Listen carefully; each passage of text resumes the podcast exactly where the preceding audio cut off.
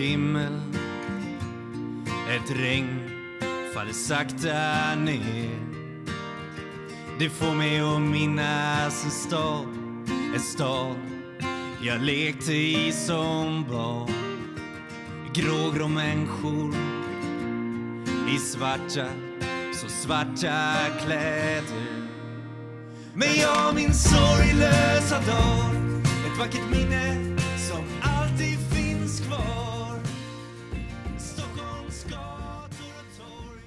Välkomna till ett nytt avsnitt av Beroendepodden. Eh, det här är en podcast om alla olika sorters beroende, medberoende och psykisk ohälsa. Och jag som driver podden heter Anneli. Jättevälkommen till dig som lyssnar för första gången och välkommen tillbaka till alla er andra. På hemsidan hittar ni all info om podden, vad podden gör, mer än att bara podda. Eh, ni hittar eh, sorgbearbetningskursen som startar nu i slutet på februari. Det finns fortfarande platser kvar så om du känner att du vill gå sorgbearbetning, in på hemsidan, eh, läs mer och anmäl dig. Musiken du hör i podden är Erik Bring och eh, honom hittar ni på Spotify. Jag har även haft med honom i podden. Så vill man höra hans historia så letar man upp honom i ett av de tidigare avsnitten. Jag vill tacka alla er som sprider podden på sociala medier, Instagram och Facebook. Det betyder jättemycket. Fortsätt med det. Och vill man komma i kontakt med mig så hittar ni mejladressen på hemsidan. Eh, och som sagt, eh, jag har ju börjat göra avsnitt där vi är fler eh, som samlas och så har, eh, frågade jag faktiskt på Instagram här innan jag gjorde dagens avsnitt eh, vad ni lyssnare ville att vi skulle ta upp. Och eh, ja, sen har vi ju försökt snacka ut efter det. Det var jättemånga superbra förslag eh, och eh, ja, jag kan säga att det, jag vet att det har varit väldigt uppskattat från er. Jag har fått väldigt mycket meddelande just kring det här formatet när vi är fler och jag kommer fortsätta göra sådana eh, avsnitt och det är superkul och eh, jag blir jätteglad när ni hör av er och jag svarar som sagt så fort jag kan på alla era meddelanden och mejl och sådär som ni vet. Jag ska inte prata så mycket mer utan önska er alla en god lyssning och kom ihåg att podden vore ingenting utan er och mina fantastiska gäster. Så ja, tillsammans är vi starka. God lyssning. Ba ba da da Ba ba da da da da da da da Ja men eh, ja, ikväll har vi, eller ikväll, vi sitter här, det är ikväll nu. Men när jag släpper podden så är det ju faktiskt morgon. Vi har ett temaavsnitt. Eh, vi är, det är jag och så har jag med mig Mattias och jag har med mig Lina och Lisa. Eh, alla har varit med i podden förut faktiskt. Det är superkul. Eh, och Lisa, du var ju med i det här temaavsnittet vi hade på nyårs ja, dagen innan nyårsafton. Men det tog jag tyvärr bort för det blev ju lite så här. Några tyckte ljudet var för dåligt medan andra inte tyckte det alls så.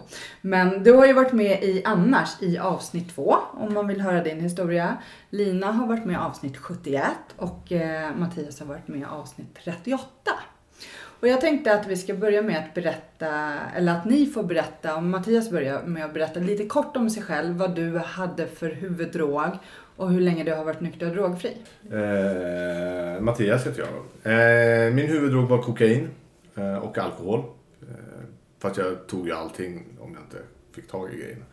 Varit nykter i drygt 13 år.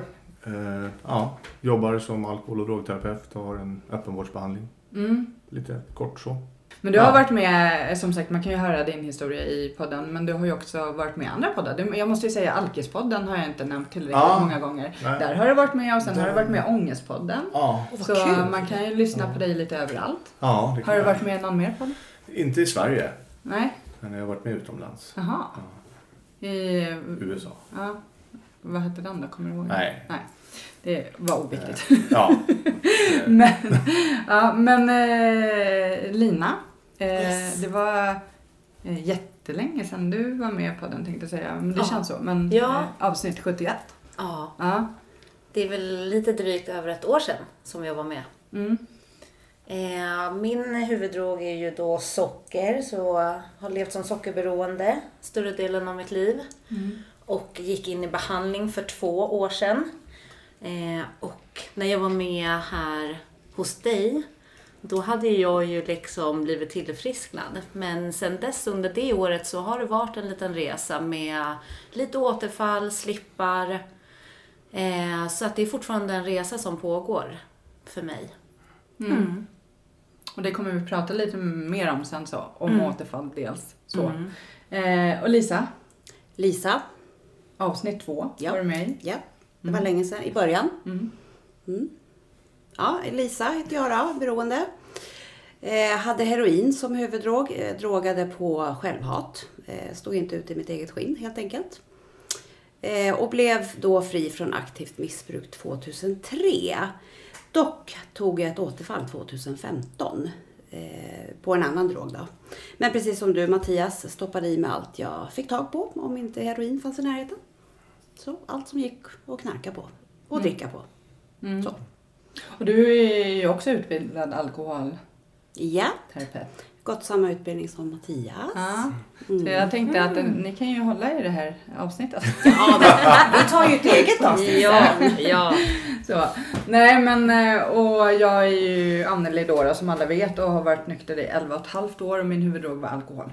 Mm. Eh, men jag har också testat det mesta som går att testa. Så. Eh, men jag ställde frågan på Instagram till er lyssnare vad ni ville att vi skulle prata om. Så vi har suttit här och eh, jag fick in jättemycket jättebra förslag. Eh, och vi kommer inte kunna prata om alls så mycket vi vill. Utan det kommer ju få bli flera avsnitt som vi gör. Men vi har i alla fall tänkt att vi ska ju självklart prata om lite om det som ni ville höra. Och då var en som jag tyckte var väldigt intressant och det är så här, går det att lära sig dricka lagom? Eller kanske i ditt fall eh, Lina, går det att äta socker lagom eh, som sockerberoende? Och vi har ju alla våran egen huvuddrog liksom. Det är därför jag vill ju få in folk som har olika beroende för det är ju rätt så intressant att höra olikas... Alltså alla är ju beroende människor har olika eh, huvuddrog. Men eh, hur det ser ut för oss. Eh, så går det att eh, dricka lagom? Vad tror du Mattias? Eller Eh, tror, vad vet du? Jag vet att, eh, inte om du har utvecklat ett, ett beroende, Mm. eh, då går det inte att gå tillbaks. Däremot så är det ju, finns det ju folk som har riskbruk till exempel, eller missbruk. Så att man har under en period har hänt något trauma som man dövar med alkohol eller någon drog. Och efter en viss rehabilitering eller behandling så kan man gå tillbaka till normalt bruk. Men inte när du är en beroende människa. Mm. Eh, Och när vet man att man, när det är riskbruk eller missbruk eller beroende? Det är det, ja, jag skulle säga så här, det är det som är det svåra med den här sjukdomen. Eh, för att våra hjärnor manipulerar ju oss själva. Så att jag själv ser ju inte det. Utan där kanske man behöver professionell hjälp av en terapeut och lite samtal för att komma fram till det. Det finns ju olika tester man kan göra och sådär. För att se vart i stadiet man befinner sig. Ja, men det är väl lite olika kriterier på Ja. riskbruk, missbruk och beroende. Eh, Ja, och de här testerna och kontrollfrågor och så. Men precis som du säger, det går ju inte att se själv när man är mitt i det. Eller går det? Ja, det är svårt. Mm. Så är det ju. Men ändå så finns det, jag vet ju att det finns behandlingar där man ska lära sig dricka lagom. Finns det? Ja, men vi satt, eh, jag tror vi pratade om det i ett avsnitt där i början faktiskt. För vi blev ju så upprörda för att eh, Ja, det det, kommer var ju eh, en som gick ut på i, media och berättade att han är alkoholist och nu Ja, kunde han ja, dricka lagom.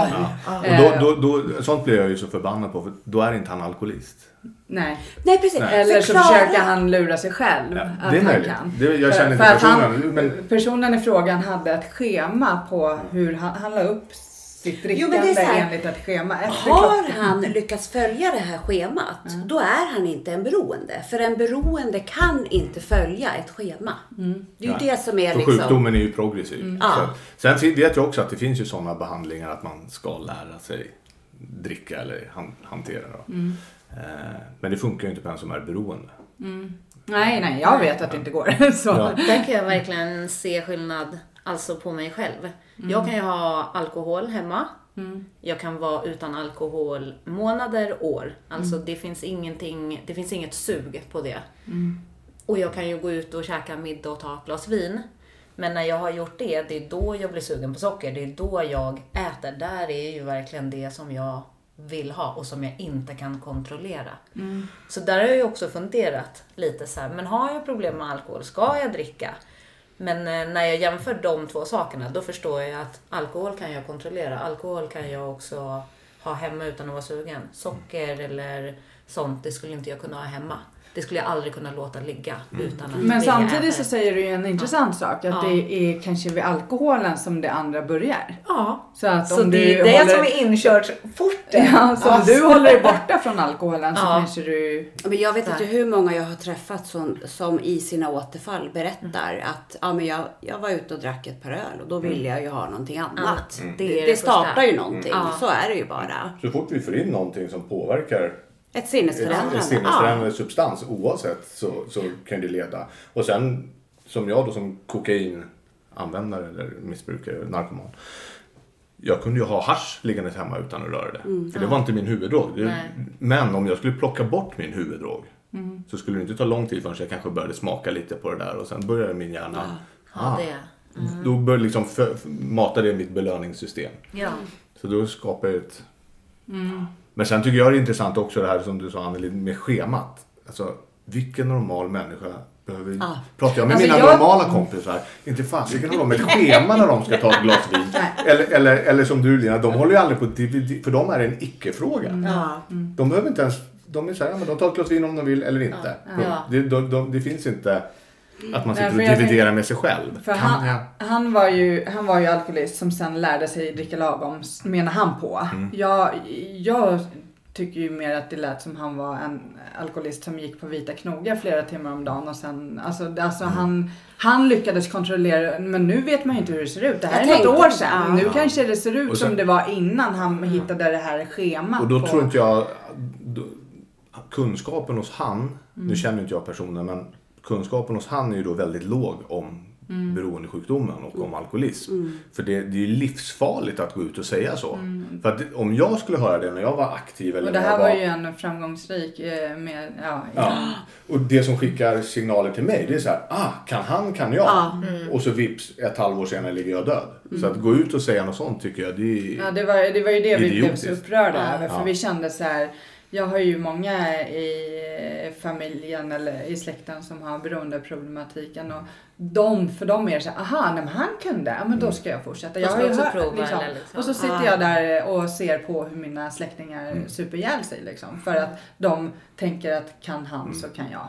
Ehm, Ja, min sjukdom vill ju använda drogen. Mm. Så den tar ju varenda... Den är ju lömsk. Den Ja, ja, den lyssnar ju... sina- Jag kollade ju alltid på de som var värre än mig. Ja, Ja, ja, ja. Och jag, är- jag är ju inte som honom. Nej. Så jag kan ju fortsätta. Ja. Ja, nej, men det är otroligt intressant. Men svar på frågan, är du en beroende så kan du inte lära dig dricka lagom. Det är Nej, svaret. det är så, man kan inte vara lite gravid. Är man Nej. gravid så är man. Punkt slut. Ja. Ja. men däremot så finns det ju de som har liksom haft en period eh, där Ja, det har ja, varit men de är- all eller de är inte beroende. Nej, och de eh, kan ju lära sig. Mm. Eller de kan ju återgå till det normala liksom. Mm. Så, eh, och där måste man ju vara ärlig mot sig själv. Ja. Eh, och, Jag tror att den känslan fattar. någonstans sitter där inne. Även som, som vi pratade om att det kan vara svårt att se ibland. Men så småningom så sitter känslan i att man känner att jag har nog lite problem Ja, med det här. ja. Eller jag kan inte hantera det här och Mm. få ångest eller sådär liksom. Mm, mm. Eh, ja, men det är ingen som vill tillägga något om lagom. lagom. Lagom. Lagom. Lagom är vad lagom. Nej men vi, vi pratade lite innan jag satte på inspelningen just eh, också korsberoende och byta beroende. Eh, är ju väldigt intressant. Och eh, någon som vill dela några erfarenheter om det? Ja, vi kan ju ha ett helt avsnitt. Ja, jag känner detsamma. Nej men det är ju framförallt om man bara plockar bort min huvuddrog. Mm. Så står ju min sjukdom och den, den galopperar ju mig och vill hitta någon form av lösning. Eh, och sen om det blir en annan drog eller om det blir träning, spel, shopping, sex, whatever. Det är olika vad, vad jag gillar. Ja. Eh, glass. I, ja. Och där har jag även kunnat, liksom, för mig, ske i nykterheten. Att, ja, men jag, jag tar, nu vet jag ju ett sätt att han, liksom, behandla min beroendesjukdom. Men om jag har hittat ett sätt som fungerar bra för mig genom 12-stegsprogrammet och sådär. Och om jag börjar ta det lite lugnare där så blir det ganska enkelt för mig. Eller det, det går rätt fort för mig att hitta något annat som jag blir besatt utav.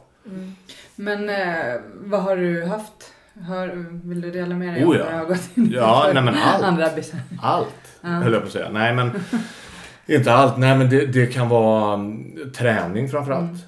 Eh, ja, börja träna en gång i veckan och sen så sju dagar i veckan, två pass om dagen, äta kopiösa mängder. För att, ja, och så tittar jag på de här bodybuilderna. Ja, du var ju på väg och skulle tävla. Ja, ja, jag käkar ju ris och kyckling var tredje timme dygnet runt i typ år. Men när kom du fram till att oj, nu är jag inne, nu är det här flykt Nej, jag- ja, eller en ny besatthet? Ja, eller så? exakt När samma sak som, som alla andra beroenden. Jag såg ju inte riktigt det här själv. Nej. Men jag började väl må lite kanske sämre men det, då fick jag ju min kick så att säga av träningen. Mm.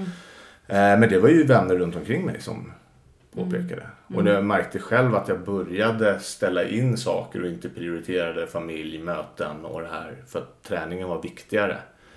Och ja. Mm. Så det var folk runt omkring mig. Mm. Och då... äh, Nej, då blev jag ju arg såklart. För jag blev ja, ja. Ja. Kränkt. Kränkt. Ja. Fruktansvärt Ja. kränkt. Jag har ju varit nykter si och så länge. Jag kan ju det här. Mm.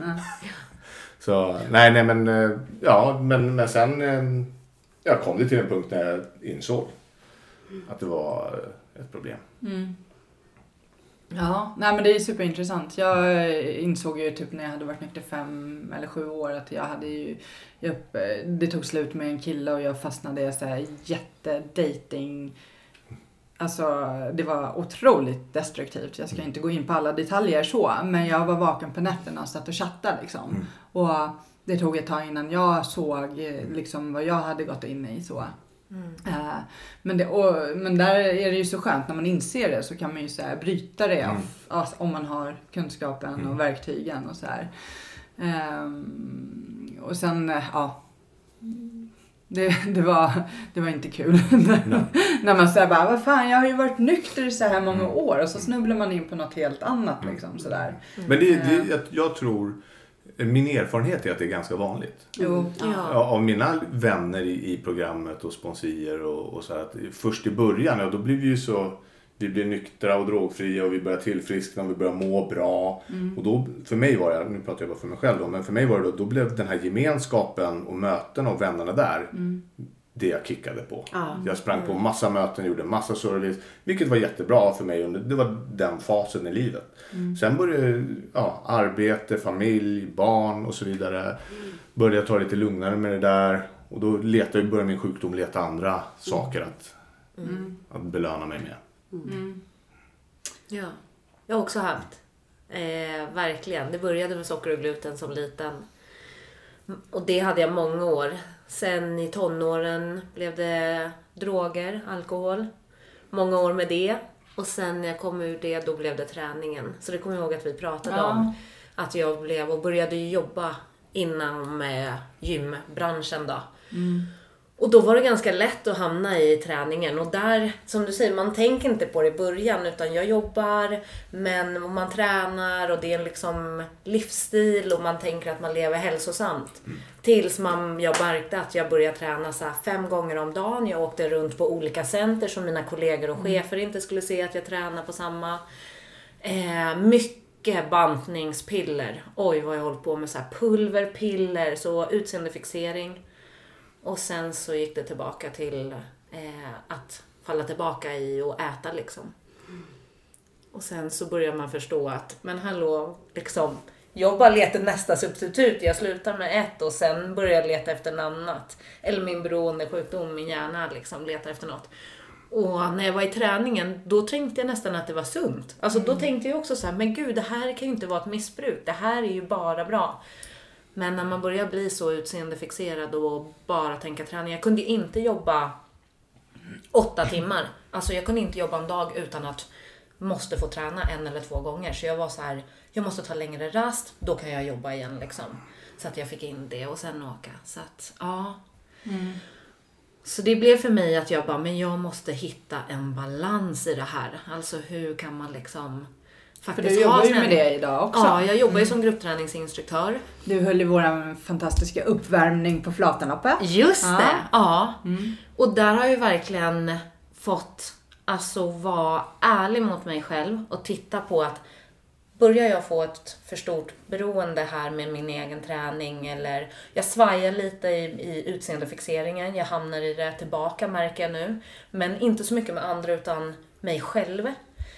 Och sen har jag också märkt hur mycket klasser kan jag ha. Idag ligger jag på att köra 10 klasser i veckan. Men det är inte klasser som jag tränar själv på. För att just veta att men jag ska inte köra så mycket. Så att eh, där, som jag säger, jag är i en pågående resa med det, att jobba i den branschen. Och jag tror att vi är många som är i den branschen som har lite sådär äh, beroende. Alltså det blir lätt det. Så att kunna jobba handlar om att man har en eh, ganska bra koll på sig själv. Att kunna också säga ifrån att nu börjar det bli för mycket liksom. Mm. Intressant. Mm. Mm. Lisa? Li- Jag, eh, för mig är det då prestation. Jag är prestationsbekräftelse. Där, när jag börjar söka prestation i, på ett osunt sätt, då är det så här direkt, liksom, nu är det något som inte står rätt till där inne. I själen och andligheten. Och där är det då jättelätt för mig att börja jobba jättemycket. Eh, för där får jag ju jättemycket beröm och bekräftelse. Och, sådär och jobbar över och tar extra klienter och hoppar in någon helg här och där. Och, och även fast jag så här vet att men det här är inte sunt så erbjuder jag mig själv. Så, men jag kan ta det där, jag fixar det där, ja, men jag löser det här. Och det är jätteuppskattat av arbetsgivare för då är det ju någon annan som löser problemen. Så det är för mig eh, min största, eh, fortfarande i dagens läge. Just nu är jag också inne i en sån här period där det är jättemycket på jobbet. Och där jag dagligen får påminna mig och verkligen bita mig i läppen. Att nu erbjuder inte du dig Lisa. Och varje dag. Så här, du säger ingenting. Du gör det Du är helt tyst. Sen går du hem. Ja. Men det kliar. Alltså Ja. det, jag, jag vill. Ja. Men jag, det, jag kämpar med det. Ja. Jag, jag skrattar för att jag känner igen Ja. mig. Och, och, jag, och när jag hör oss säga, eller prata så är det ju samma sak. Ja, Det är ju jobb, det är ju det här, när vi hittar något vi gillar Ja. så gör vi det ju 130 procent. ja. Det Lagom finns Ja. inte här. Nej, det är det. Jag bokade ju, jag hade ju någon gång bokade ju in fyra, fem klienter efter varann på en förmiddag. Ja, oh, wow. Ja, nej, men det går ju inte. Sen, sen när sista kom, då hade jag ju inte koll på, för jag såg ju anteckningar och så här, av vad det nästa skulle prata om. Så jag var ju bara helt avstängd. Och sen har det gått en timme, så jag kommer inte ihåg vad vi pratade om. Nej. Just Ja, att just det. prestationerna, att Ja. nu måste jag visa mig själv och andra för då får jag en klappa, någon form av bekräftelse. Ja, ja, en belöning. Ja. Och jag vet när jag håller i sorgbearbetningssittningar då, jag är ju helt slut efter en timme för det tar ju så otroligt mycket energi också att eh, sitta närvarande och lyssna på en person liksom. Eh, så fem eh, på raken, det är... Det är inget man rekommenderar. Nej. så, ehm, Men jag har en så här jättebra, jag, måste bara, jag tänkte på det här så jag ska bara dela med mig om den. Det som är så skönt i mitt liv idag, det är så här att mina barn, det är när de börjar så här, den här frågan. Mamma, är du trött och stressad idag? Det är min första så här, okej, nu är det illa. Och så får man liksom backa bandet. Jag är så tacksam för att de har förmågan att så här, ifrågasätta och gränsa och stoppa mig där. Ja. Så att jag så här, tjing, nu, nu är det dags. Det är jätteskönt. Mm. men jag Man behöver sådana Ja, människor runt ja. omkring sig som eh, uppmärksammar de där tecknen. Liksom. Mm. Men jag har också inte, eller prestation, jo men alltså projekt så. Jag kommer ju på varje morgon jag vaknar så har jag ett nytt jättebra projekt Det förvånar mig inte. Så. Och det är liksom, jag bara åh det här och så går jag in i det skallen och bara att jag har ju redan typ 20 projekt innan i skallen så det blir så här kaos. Eh, så jag måste ju backa väldigt ofta och bara fokusera på det viktigaste för att eh, Ja, att hitta den balansen kan jag, det, det, det är svårt, jättesvårt. Och, och sen är det ju så här för att när jag var aktiv på den tiden så kunde inte jag sätta mål och ta mig dit. Mm. Eh, så nu, nu kan jag ju sätta mål och ta mig dit. Och det i sig är ju så otroligt häftigt. Och därför gillar jag ju liksom att, oj jag har en idé och kan jag liksom eh, göra den verklig? Och då vill jag ju liksom, men mm, jag måste ju fokusera på en sak i taget för annars blir jag utbränd. Jag har ju en utbrändhet i ryggsäcken liksom. Eh, och, och då får ju, det har ju vi pratat om tidigare, att det just liksom när min kropp talar ju till mig direkt när det är för mycket. Då får ju jag så ont i kroppen och både det ena och det andra. Eh, men så det här med att lagom är ju I min värld finns det ingenting som heter lagom. Det bara är så. Nej, det gör det ju inte. Nej, det Jag är, vill ju ibland lura mig själv och säga att det finns det, men det är, liksom- det är Ja. fullt ös eller ingenting. ja, men det är allt eller inget. Ja, precis. Det är all in eller ingenting. Så är det ju. Sam, ja. Samtidigt så, så är det ju, ja, det svåra är ju att det är kul liksom. Jag har hittat träningen. Nu, nu har jag ju, tycker jag att jag har balans på den. I början hade jag inte det. Då tränade jag ju jättemycket. Men eh, idag gör jag inte det. Men det är så här, man har de här grejerna som är roligt och då är det så lätt att man faller över också. Ja, ja. Att det blir något liksom. Men jag, jag tror ju liksom tid och träning på det Mm. ger ju erfarenhet. Ja. Eh, och så går det ju Och det. sen som jag brukar säga, när är det, alltså när man använder sig av sin träning eller sitt jobb eller någonting för att, ha, att fly från någonting. Då, har det ju, då använder man ju det på fel sätt också. För att slippa känna, för att slippa vara i nuet eller vad det nu är liksom. Och det Men jag- kan man ju kolla på. Ja, men, och jag tänker så här, vi som jobbar aktivt med oss själva i tillfrisknande, vi känner ju det där skavet när det är flykt eller nöje. Det, det är så här, när det är flykt då är det ju någonting som skaver. Och, och för mig personligen, då försöker jag ju fly lite till, men skavet blir ju större och större tills jag hamnar där, nej men nu går det inte längre. Nu, det är bara att kapitulera, ge upp nu. Gör om, gör rätt liksom. Och det går ju ganska fort när, när jag väl kommer dit. Jag ska bara komma, det ska bara skava tillräckligt mycket först. Det ska göra lite tillräckligt ont Ja, för, för, att, för att man ska få till en förändring. ja precis. Så är det ju. Ehm, skillnaden att vara nykter och tillfrisknande. Vad säger ni om det? Knäppt Vad är, vad är skillnaden? Jag- Det, det beror lite på vilken bok man läser. jag säga. Tittar man på AAs bok, deras program, så menar ju de, eh, och jag med på ett sätt, att tillfrisknad är ju när, när den mentala besattheten på substansen är borta. När jag inte tänker på det längre. Ja, jag tycker också det. Man kan hålla sig nykter men då kan man fortfarande ha en mental kamp. Liksom. Men när man är tillfrisknad då lever man rätt sunt. Alltså då har man hittat sin livsstil i det tillfrisknade. Så skulle jag känna. Alltså att det känns för mig. Jag kan se skillnaden där. Att hålla mig från saker och vara nykter. Eller att känna mig tillfrisknad. Men för mig är det Mycket här, och tankar. nykter är inte andligt. Tillfrisknande är kontakt med sin andlighet. Ja.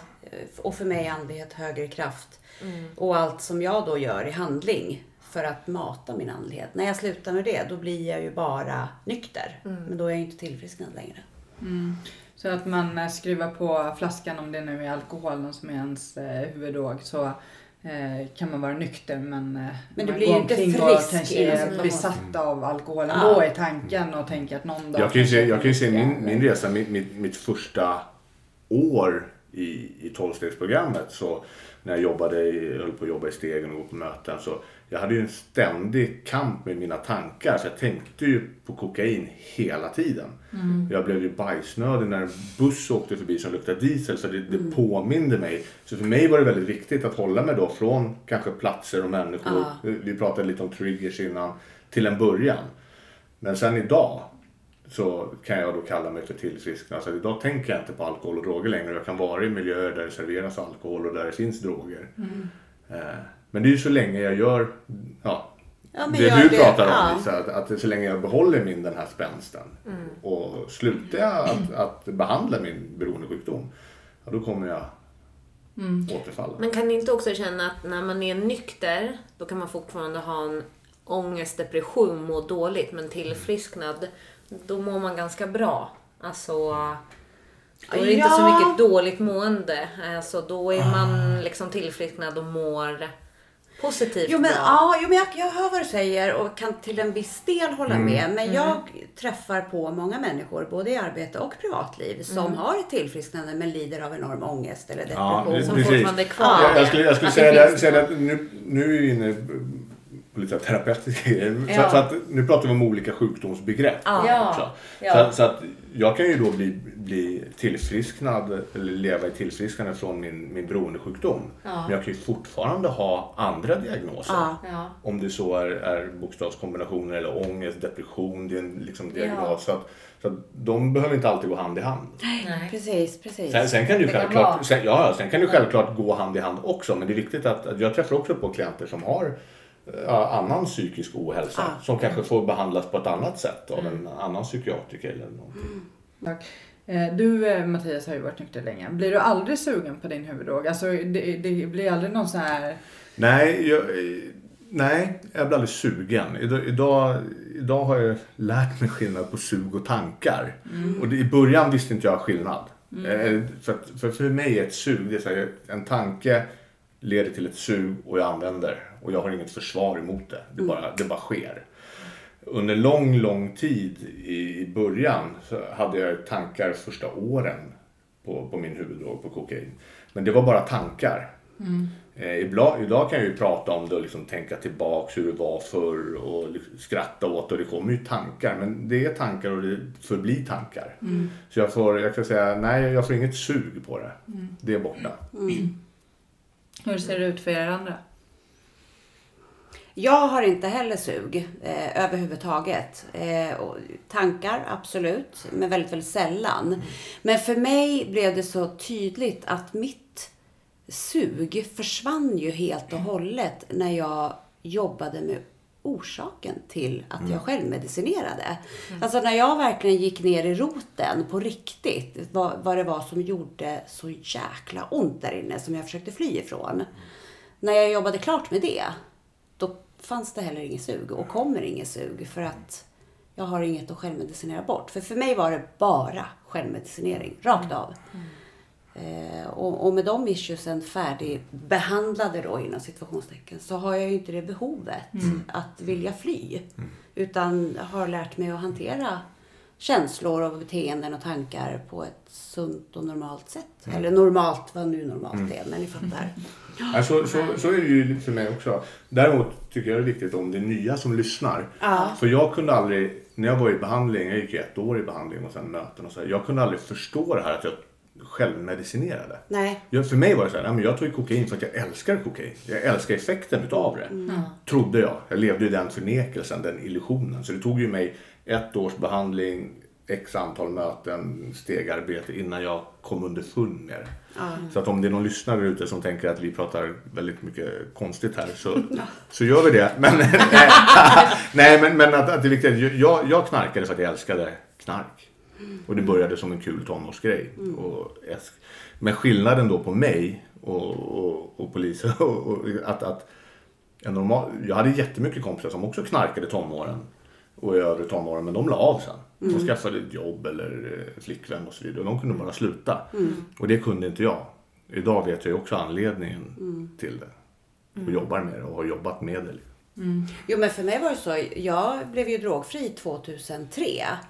Och tog ändå ett återfall 2015. Det är ganska många år däremellan. För att jag inte hade liksom behandlat det som jag verkligen behövde behandla. Eh, som då för mig var min vuxenbarnproblematik. Som fortfarande liksom gjorde sig påmint rätt ofta. Men vad, för att du blev, vad var det för behandling du tog då? Eller var, gick du till en terapeut? Eller? Jag träffade en psykolog och gick en schematerapi, kallas det. Och, och gick det i ett år.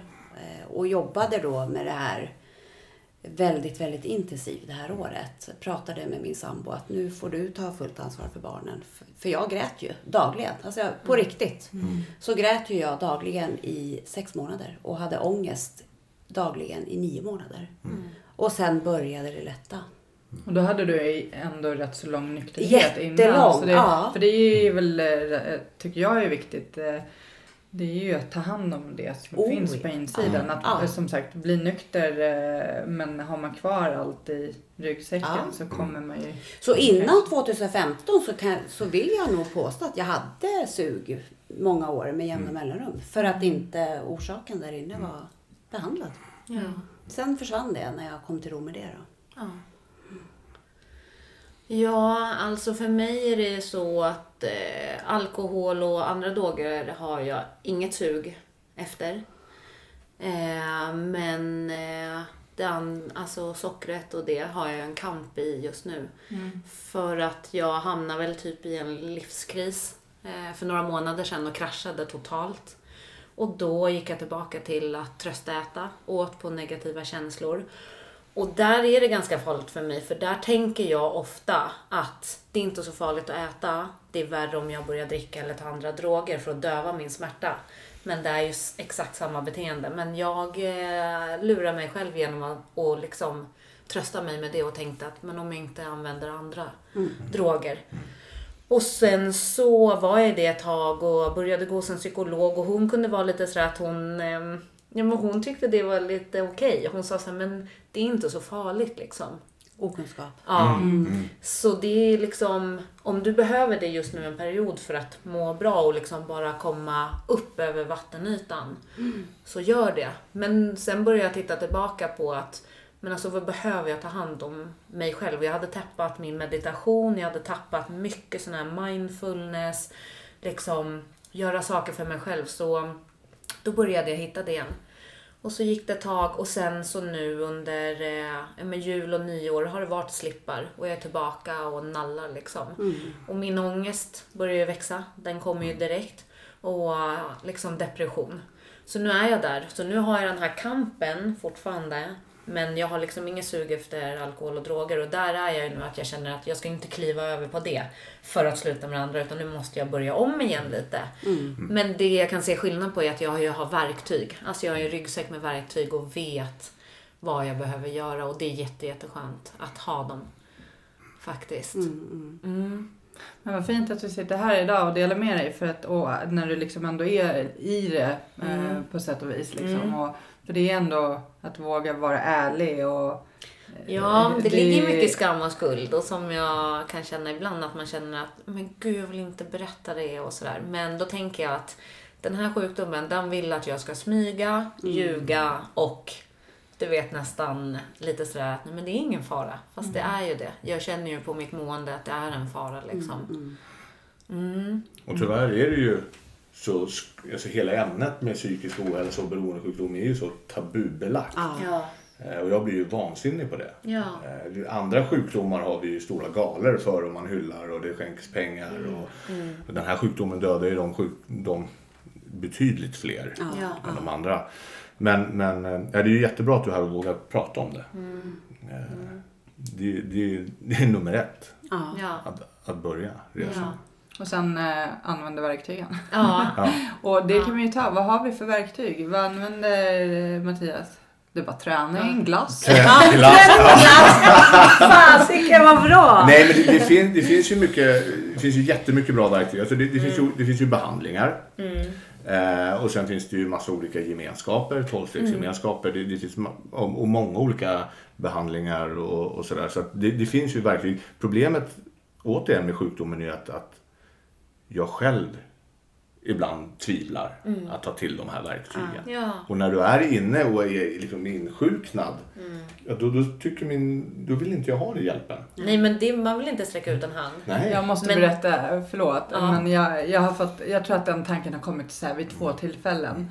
Och det, det är så här, jag bara, skulle det inte vara kul, det här har jag tänkt i min egen skalle, att göra ett litet experiment. Jag som har beroendepodden, jag skulle kunna göra en så här, ja men eh, testa och se hur det går, dokumentation, eller ja vad heter det när man filmar, Eh, ja så. Eh, om jag typ tar ett glas och så får man följa min resa. Din sjukdom pratar med dig. Förstår du hur sjukt det är? Den vill ja, liksom men ut på ett När jag har varit ute, eller när jag har varit nykter i 15 eller 20 år, då kan man Ja. göra ett litet experiment. Så listig är den här sjukdomen. Ja. Ja men så som den lurar mig Ja, ja. är så här. Ja men just det här, det är inte så farligt. Du vet, men alltså vi fikar överallt och det finns det. Så att när jag är så pass stark att jag är så här, nej men jag, jag vill inte ha det där. Men jag blir ju, man blir ju bjuden på det överallt. Och det räcker med att man kanske liksom, om jag tar en kaka och sen så... Ja, men en är för mycket Ja. och tusen aldrig nog. Ja, Jag, jag, mig, jag tar ett streck. Ja, det precis. slutar inte där. Och det är ju där. Och där... eh, Så det, det är ju samma sjukdom. Ja, Sen har vi olika ja. substanser eller vad, vad vi nu trycker i. Ja, men det som jag tycker är så intressant, som jag också har svårt att förmedla, både i jobb och privatliv, det är också det här att innan jag tar den där första fixen så är jag 100% säker på att jag ska ta, det sista gången nu. Eller jag ska bara ta ett glas. Jag lovar, jag tror ju på det så starkt. Men då är ju kruxet att när jag har fått i mig det där, då är det inte jag som bestämmer längre. Nej, då har man ju gett över den Ja, till då är det ju helt plötsligt min sjukdom Ja. som styr. Då efter ja. första. Ja. Då, då är liksom jag borta. Och den känner att det var länge sedan vi umgicks. Ja, precis. Och när jag var aktiv, när jag Ja. var aktiv så, så då, då hade jag förlorat valfriheten redan innan. Alltså jag kunde ju vara på väg hem och skulle Ja. köpa med mig pizza till, till min flickvän. Och helt plötsligt kommer den där tanken som blir ett sug och jag blir radiostyrd. Och helt plötsligt sitter jag på andra sidan stan och stängt av telefonen och blir borta tre dagar. Ja, och sen, Och sen bara, vad hände? vad, hur fasiken gick det här till? Jag var ju helt... Eller gör jag upp små planer att ja, jag ska bara ta det här, sen ska jag trappa ner. Ja, Jag, ska ta, jag ska ta ikväll och sen imorgon ska jag trappa ner och sen på söndagen så ska jag bara ta ett streck och så får det vara bra. Och sen har jag pantsatt allt jag har hemma. ja och, och, du, du tror ju på det jag här. Ja, jag, jag, ja. men ja, jag är helt övertygad om det. Ja. Jag har ju lovat mig själv och alla andra. Ja. Om och om igen. Så jag är ju sinnessjuk. Men hur, när- håller, hur håller du din andlighet i schack då? Eller skick, eller vad säger man? Levande, om man säger så. Jag, jag använder mig av, jag går ju på tolvstegsmöten. Mm, Så att jag, ja, jag går ju på mina möten. Jag jobbar med sponsier. Eh, jag kör ju bön, meditation. Mm. Eh, ja. Så jag har ju fått lära mig väldigt mycket. Jag fick ju väldigt mycket bra verktyg under behandlingen. Mm. Eh, och genom, genom tolvsteg, tolvstegen och min sponsor som jag har. Mm. Eh, och sen går det ju upp och ner. Ja, ja. Jag, alltså, jag hade ju en period för några år sedan då sen, ja men nu har jag varit nykter si och så länge och det här funkar ju och jag har gjort, gjort jättemycket och så nu kan jag dra ner på det här. ja just det. Säger min skalle till mig. Och då börjar den här djävulen, jag brukar säga att jag har en djävul på ena sidan och en ängel på andra. Det ena är sjukdomen och det andra är, är jag.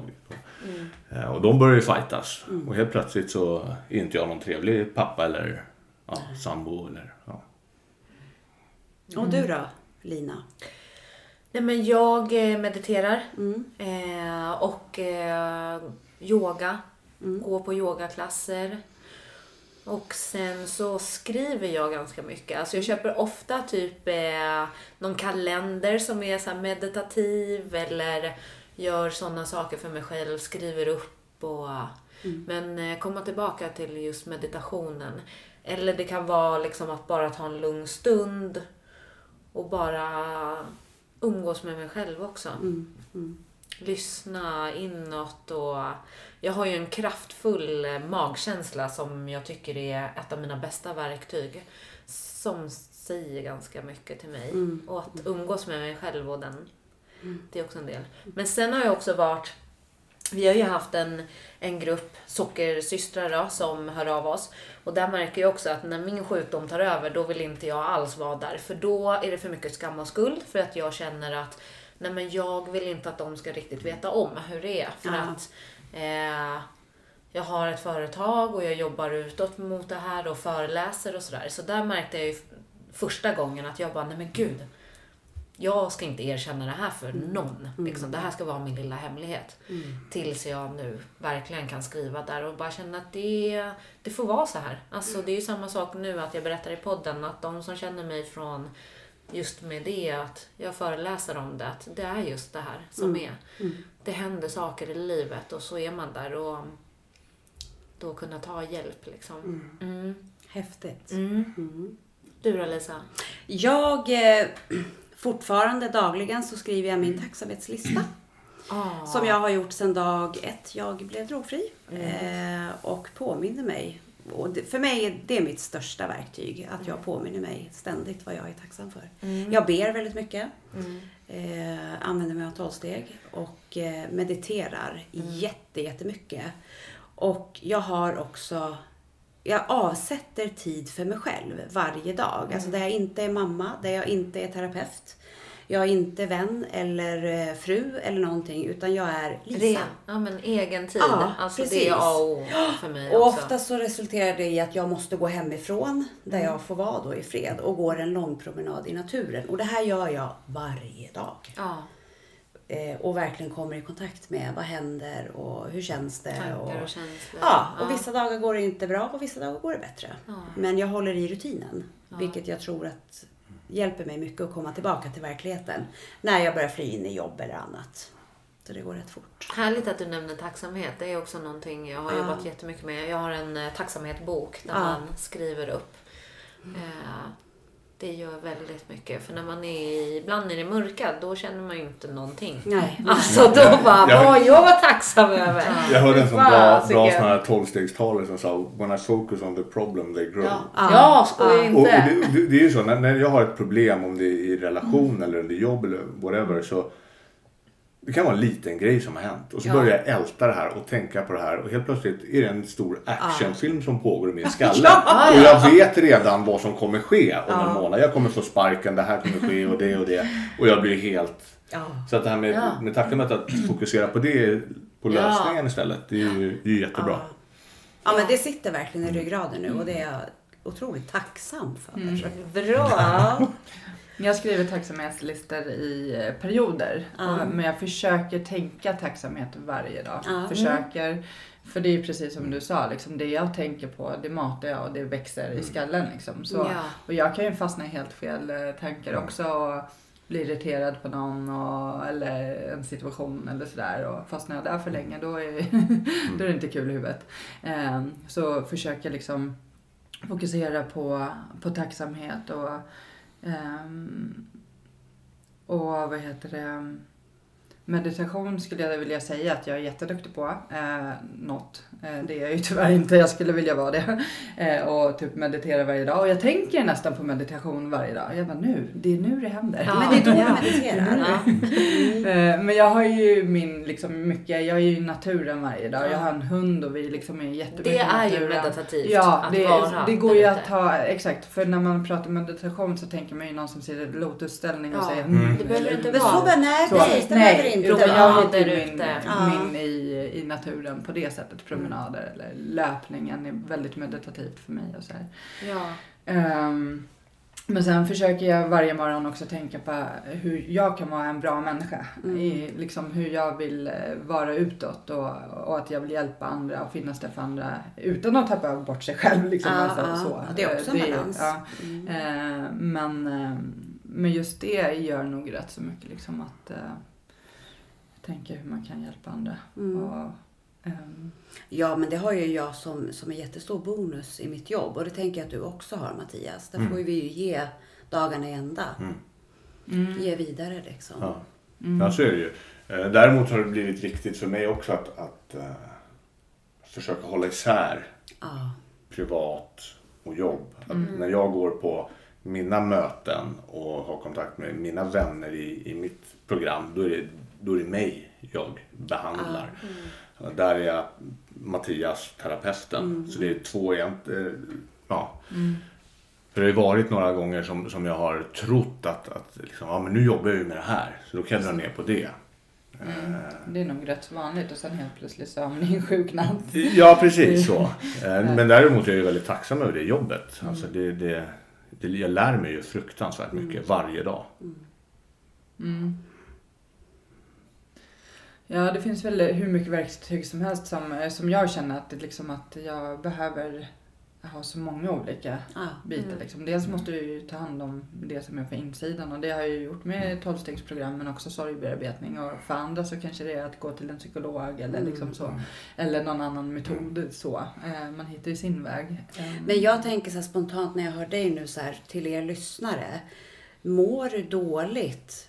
Berätta för någon. Alltså bara få ur dig det. För det är alltid första steget. Ja. Det är, så sträck ut en hand och hjälp. Ja. Berätta hur du mår, hur det känns. Det, det finns någon där ute som, som kommer lyssna och kan vägleda eller vägleda till någon annan. Ja, eller, precis. Ja, det kan vara precis. vad som helst. Det kan Ja. vara en vän eller det kan vara Alltså som jag, jag hade lärare och fritidsledare när jag var liten som jag pratade med. Så Ja. att, alltså de hjälpte mig så mycket. Verkligen. Mm, Eh, alltså det behöver inte kanske vara vänner utan det kan vara någon vuxen om Ja, man ja, känner att Och- för det ena leder till det andra Ja. och då har man börjat släppa på det liksom. Och vi måste få bort, eller jag anser att vi måste få bort den här skammen kring Ja. att må dåligt Ja. i samhället. Det, nej. Och, och jag tänker på lyssnarna också. De kan ju höra av sig till Anneli för du har ju ett väldigt brett kontaktnät. Ja, ja. Ja. Och, och i mitt yrke så jag träffar ju på folk då som mitt i behandlingen upptäcker man då att okej den här har mår dåligt över den här situationen. Ja då remitterar ju de ju vidare. Okej du Ja. kanske behöver gå och prata med den här KBT-specialisten inom det området eller den här psykologen. Eh, för att sitta inne med det där själv, det, ja, som redan har sagts, det, det är inget bra. Ja, och då växer det. Ja, då växer det. Och då är man ju en tickande bomb. Sen kan det ta månader eller år, men en tickande bomb är man. Ja. Jo, för att eh, exakt, eh, om man pratar om att må dåligt. När, och när jag börjar må dåligt, som jag ibland gör, eh, då vill jag ju typ så här, isolera mig. Ja, ja, jag ja, bara, ja. nu stannar jag Ja. här inne i vardagsrummet i mina egna tankar och Ja. där händer det inte några roliga saker. Så, så det bästa är ju att bryta det så fort som möjligt. Att eh, ringa en vän eller berätta det för någon. Eller, I vårt fall så går väl vi på ett möte, vi som har 12-stegsprogram. Ja, eller om, något om vi är liksom. kapabla till det. Ja. Det beror på hur dålig, jag har ju varit med i perioder när jag har mått fruktansvärt dåligt och jag blir likadan, jag isolerar mig. Ja. Stänger jag av telefonen, går inte ut, jag går inte på ett möte då. Mm. Eh, Men som tur är så har jag ju kontakt med mycket vänner. Så att sist då var det i stort sett, då kom ju de och hämtade mig. Nu måste Då vi prata de liksom att, att- att jag mådde dåligt. Jag mådde, ja, då sa jag ju det såklart. Mm. Men jag blir också likadan, att det är väldigt lätt, i alla fall för mig, att isolera mig och Mm. inte prata. Det blir en spärr. Man ska ju inte må dåligt Nej. tänker jag. Skägg, Där och- känner skägg, jag- skägg och, och tror att jag är tuff och tatuerad. Och då, då, då, kan, då får man inte må dåligt. Nej. Men just det här med att må dåligt och, och verktyg så kan jag ju bara se min egen just med träning, vad det har gjort mot psykiskt mående, alltså dåligt mående. Eh, och som man känner att vissa dagar kan jag ju må dåligt och bara vilja vara hemma. Så jag vill liksom sätta min mobil på stör ej. Jag vill egentligen bara vara där. Men har jag en klass inbokad, då har jag också någonting jag behöver åka till. Och så bara när man är där, så bara släpper det här. Du vet, man får endorfiner, man mår bra. Och så bara kommer man hem och bara, det var en timme liksom. Ja, Och jag det- kan må så här bra. Så det kan Ja. också, men det behöver inte vara just träning. Det kan vara Nej. gå ut och ta en promenad. Mm. Så ibland bara försöka göra någonting liksom. Mm. Men där tycker jag ju verkligen att träning är Och få så bra för mm. att, ja. Ja, Alltså- endorfiner och... Ja men så är det. Det tycker väl du också? Ja, ja, Seren- ja. running Så- for serenity Ja liksom. men hur många gånger Men- har inte jag bara, för Ja. fan, du vet såhär, mått halvdåligt och så. Eh, jag tänker inte springa idag, så går jag ut och springer och så bara, åh nej men gud nu vad blå himlen blev och Ja. eh, gott blommorna luktar. Ja. Ja men från att eh, allt var mörkt innan. Så det, det är verkligen, men det är ett av mina verktyg. Ja, Eh, det är så också måste ett av mina ha, verktyg. liksom. Mm. Eh, Man måste plocka lite olika. Ja. Mm. ja. Men jag tänker på fördomar så. Hur känner ni? Har ni eh, liksom, för vi alla här är ju rätt öppna med våra historier och att vi är beroende människor. Hur Ja. har ni blivit bemötta? Ja. Känner ni? Ja, det finns ju jättemycket fördomar. Men oftast, som vi var inne på i början, det är ju okunskap. Det är ju fruktansvärt mycket okunskap. Eh, Och även hos professionella. Alltså, nu kommer vi in lite här på sjukvården och läkare. Det finns jättemycket bra läkare och, och det finns mindre bra läkare också. Eh, Men framförallt, jag tror mycket bygger på okunskap. Och då blir man felbehandlad. Men när jag, i början när jag blev drogfri, då ville ju jag skrika ut till hela världen att jag är narkoman och jag har slutat och åh, jag är så duktig och hit och dit och sådär. Men med åren, alltså nu för tiden så nämner jag inte ens det. Eh, om jag inte behöver, om det, om det inte är ett sammanhang där det är nytta. Men förut berättade jag det för allt och alla. Jag försöker vara rätt så anonym. Ja, och för mig är det nu så här. Ja. För mig är det liksom, jag nämner inte det. Nej. Eh, min egen historia eller att jag är narkoman, tillfrisknad och så. Eh, Och det tycker jag är jätteskönt idag. Ja. Faktiskt. Ja. Jag kan känna så här, för nu är det ju så här, vad jobbar du med? Jo, men jag har en podd som heter Beroendepodden. Det är liksom, och sen Ja. får man ju köra hela historien. Men typ när jag åker till min kille som bor 40 mil härifrån. Alltså där känner jag så här, gud, jag bara, gud vad skönt, det är ingen som känner mig här. Men äh, kommer jag på en annan grej som, eh, vi har ju, du har inte barn va, Nej. Lina? Nej. Men vi andra har ju barn. Ja. Hur pratar ni med era barn om eran historia eller beroende? Mm. Ja, de, ja, den minsta Wilton han är ju två och ett halvt så att han har ju precis lärt sig prata. Men de andra vet ju om att jag är nykter. Och de vet ju om lite grann vad jag har pysslat med. Hur gamla är de andra barnen? De blir 15 och 13.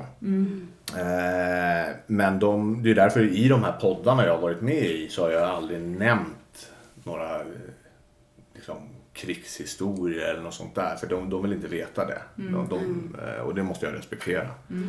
Eh, och jag hade ju en period när jag, när jag också eh, ja, men nynykter jag var väl nynykter ganska länge då. Men sprang runt och liksom skrek till allt och alla Ja. att, att, att jag var nykter narkoman och sådär. Det finns ju mycket fördomar där ute. Och många förstår ju inte egentligen vad det är när man sitter och pratar om beroendesjukdomen. Utan det är mer så här, men jaha, varför gjorde du det? Ta dig i kragen och sådär. Ja.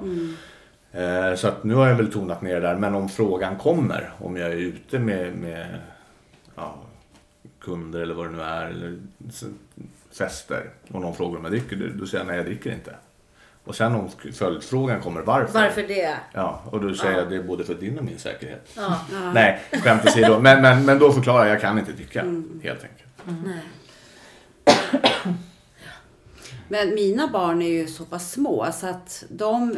Det är så int- eller intressant, det är rätt kul för att min dotter tror jag det var som kom hem någon så här lördag eller söndag eftermiddag och hade sovit hos någon kompis och så här.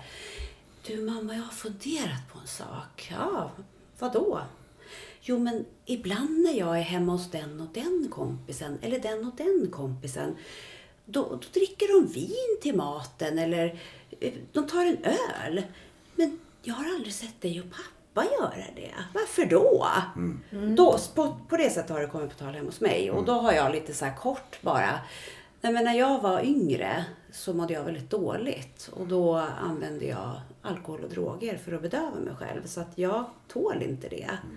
Och sen är, inte, sen är de nöjda med det svaret. För jag tänker, de är så pass små. Hon är 10 då. Och har en son som är 13. Så att de förstår inte riktigt än. Men jag kommer att vara öppen när, när det väl kommer. Jag har ju sagt till mina samma sak, jag tål inte, jag är allergisk mot det. Ja, ja. Eh, Vissa kan och vissa kan inte. Ja. De två äldre barnens mamma och, och hennes nya man, de är ju normala. Ja. Så de kan ju Ja. dricka. Så att, och sen, har- sen har ju jag varit nykter under hela deras uppväxt. Så för dem är det, ja, det är nog ingen stor grej. Det, det bara är så.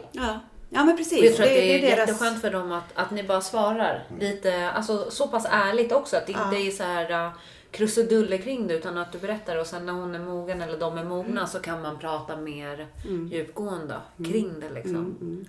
Om de vill. Om de Ja men vill, precis, ja. om de, ja precis. Om de För jag, jag, har, ju- frågar jag har ju också det. haft såna här, du vet, jag vill ju förklara. Ja. Och, så att, men, men, Men om så här- de inte ställer frågan och Nej. inte vill veta så absolut så Mm. behöver man inte tvinga på det. Men att, att, att man pratar om det. Där ligger det ju också mycket med att inte känna skam och skuld i det. Utan så här var det och så här är det för mig och därför Mm, mm. har jag den här relationen till det. Mm. Mm, jag har ju varit öppen med min historia, jag har ju poddan allt, men jag har ju alltid innan det började ju med egentligen en tidning, tidningsartikel för jättemånga år sedan som jag fick frågan att vara med och berätta min historia. Ja. Eh, Det var ju där hela den här eh, som slutade med en poddresan började. Eh, Men jag har ju alltid innan frågat min son liksom om det är okej. eh, För han blir ju lite uthängd alltså så, Ja. och det finns ju Mm. fördomar. Jaha, är din mamma alkoholist liksom? Ja, fast jag har aldrig sett henne dricka i princip. Du vet. Så här, han är, nu är han vuxen, han har flyttat hemifrån. Men, Um, och sen har ju vi pratat rätt så mycket och um, ja, och vi pratar ju om sjukdomen och mm. Så det gör vi ju. Men däremot vill man ju inte, jag vill ju inte att han ska höra mina krigshistorier. Och en del krigshistorier kan man ju faktiskt höra i podden. Så jag hoppas ju att han inte lyssnar så mycket på, eller jag vet att han inte lyssnar på podden. Han sitter där varje natt och bara... Ja. Nej men det är ju klart att det finns ju, jag är ju, det finns ju någon skam i en att för vissa grejer man har gjort liksom. Är så här, att man vill ju vara Ja. så. Men, eh, men han vill att jag ska hålla på med podden och allt jag gör liksom, för han vet att det också hjälper andra människor. Liksom. Så för honom, han är, jag märker att han är stolt. Ja. Så, Ja. Men sen så behöver inte han veta allt. Han Så. behöver inte veta något Och jag vill inte kanske veta allt han gör heller för den delen. Så. Nej. Men sen är det ju så här, no- normala människor då. Alltså, jag, jag tror inte mina barn har sjukdomen till exempel. Mm. För de är ju då en icke-grej. Ja, här, precis. Jaha, Ja. så här. Medan för oss är det en stor del av våra liv. Eh, För mig var podden också ett sätt att stänga ytterligare en dörr. Eftersom jag vet att den här sjukdomen är listifalsk och stark och kommer göra allt den kan för att få mig att börja missbruka igen. Eh, och då känner jag att jag måste göra allt jag kan för att inte hamna där igen. Så det här är ett sätt att säga, okej nu, jag är inte anonym längre så ska jag gå och köpa en öl? Alltså det är liksom... Då kommer de säga nej. Ja. Stopp! Nej men alltså... Är det jag- inte du som har jag- beroende? Vad jag ska köpa till en kompis. Nej men jag känner enormt mycket folk och det gjorde jag på den tiden jag var aktiv också. Så det är, och sen nu i träningsvärlden och liksom så. Så det spelar ingen roll om jag typ åker till Spanien. Jag lovar, sätter jag mig på en restaurang där så kommer det komma någon jag känner. Det är verkligen så. Eh, Så det är ett väldigt bra sätt att stänga en dörr. eh, En av dem. Ja, men då kommer jag ju tillbaka till det att jag har ju slutat berätta för människor. Men förut skyltade jag ju med det lite grann så och, och tog liksom någon form av, och det kanske var bekräftelse, eller det var det. Få någon form av, så här, vad duktig du är, nu har du slutat. Något sånt. Men nu är jag ganska så här, det är inte så viktigt att skylta med sånt längre. Jag vill vara Lisa. Mm. Men du som är sockerberoende, du måste ju ändå få höra så här, det är väl inte en kaka kan du väl ta? Alltså jag Ja. tänker så här att om eh, jag säger så här, men jag är alkis, det är inte någon som bara, nej men ta en bärs. Nej. En kan du väl ta, Nej. liksom, det, det får inte jag höra längre. Nej, och där... Eh, alltså när jag gick in i behandlingen, då kan jag säga att då skyltade jag också med det. För att då var, det var mitt sätt att skydda mig själv. För att det fanns överallt. På det jobbet man var på eller i fikarummet. Och då är det sådär att bara, "Ja, men här finns det. Och jag bara, nej men det är bra tack. Det kan folk inte ta. Utan då säger jag så här, men vad då? du ska väl också fika och nu fyller ju den här år. Inte ska du vara sån som Ja. liksom, då är du duktig nu och ska inte äta? Och då fick jag ju säga så här, men jag är sockerberoende. Det du inte fattar är att när jag har ätit här, då kommer jag fortsätta äta liksom imorgon och dagen efter det och ikväll. Alltså, då fick de en annan förståelse. Så det var så skönt att kunna säga det.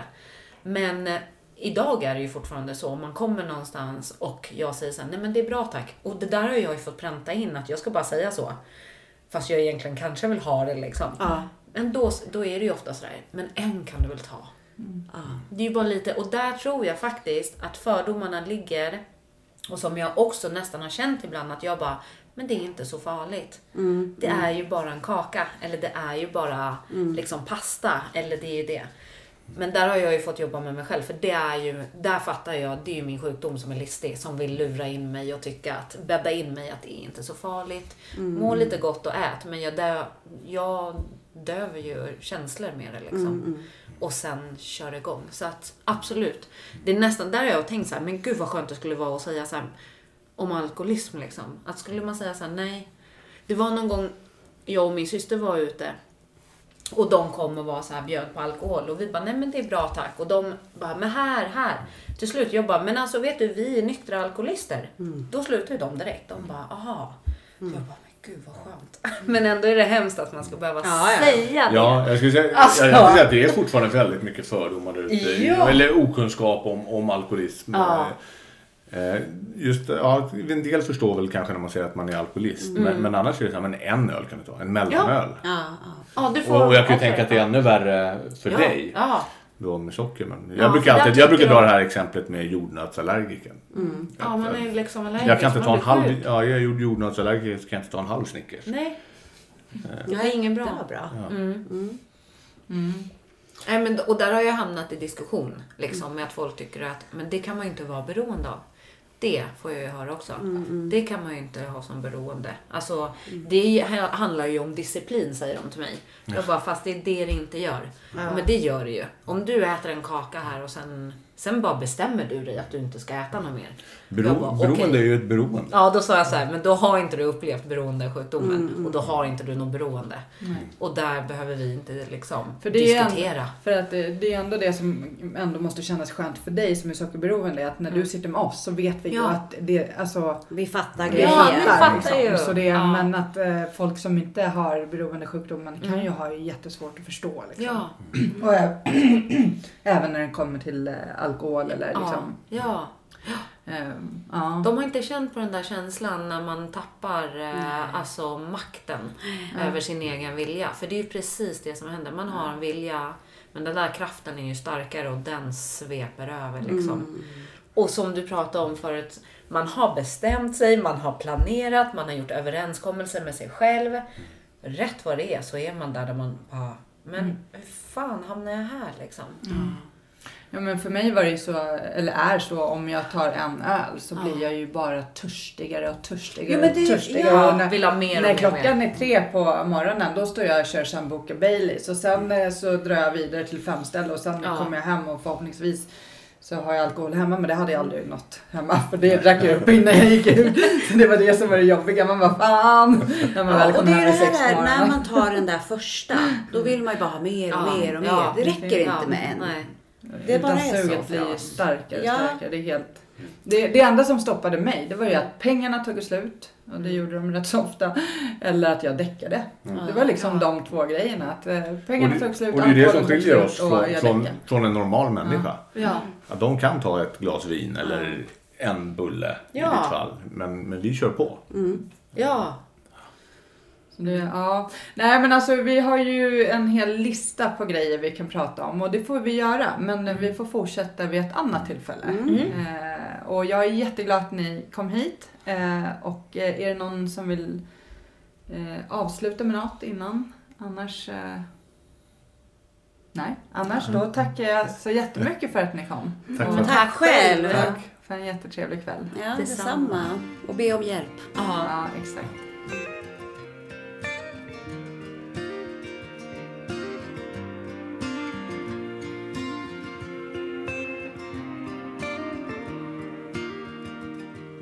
Mörk himmel Ett regn faller sakta ner. Det får mig att minnas en stad En stad jag lekte i som barn. Grågrå människor i svarta, så svarta kläder. Men jag min sorglösa dag Ett vackert minne som alltid finns. Kvar Stockholms gator och torg Ett liv så långt ifrån sorg ba, ba, da, da. Ba, ba, da, da. Ba, ba, da, da, da, da, da, da, da. Ba, ba, da, da. Ba, ba, da, da. Ba, ba, da,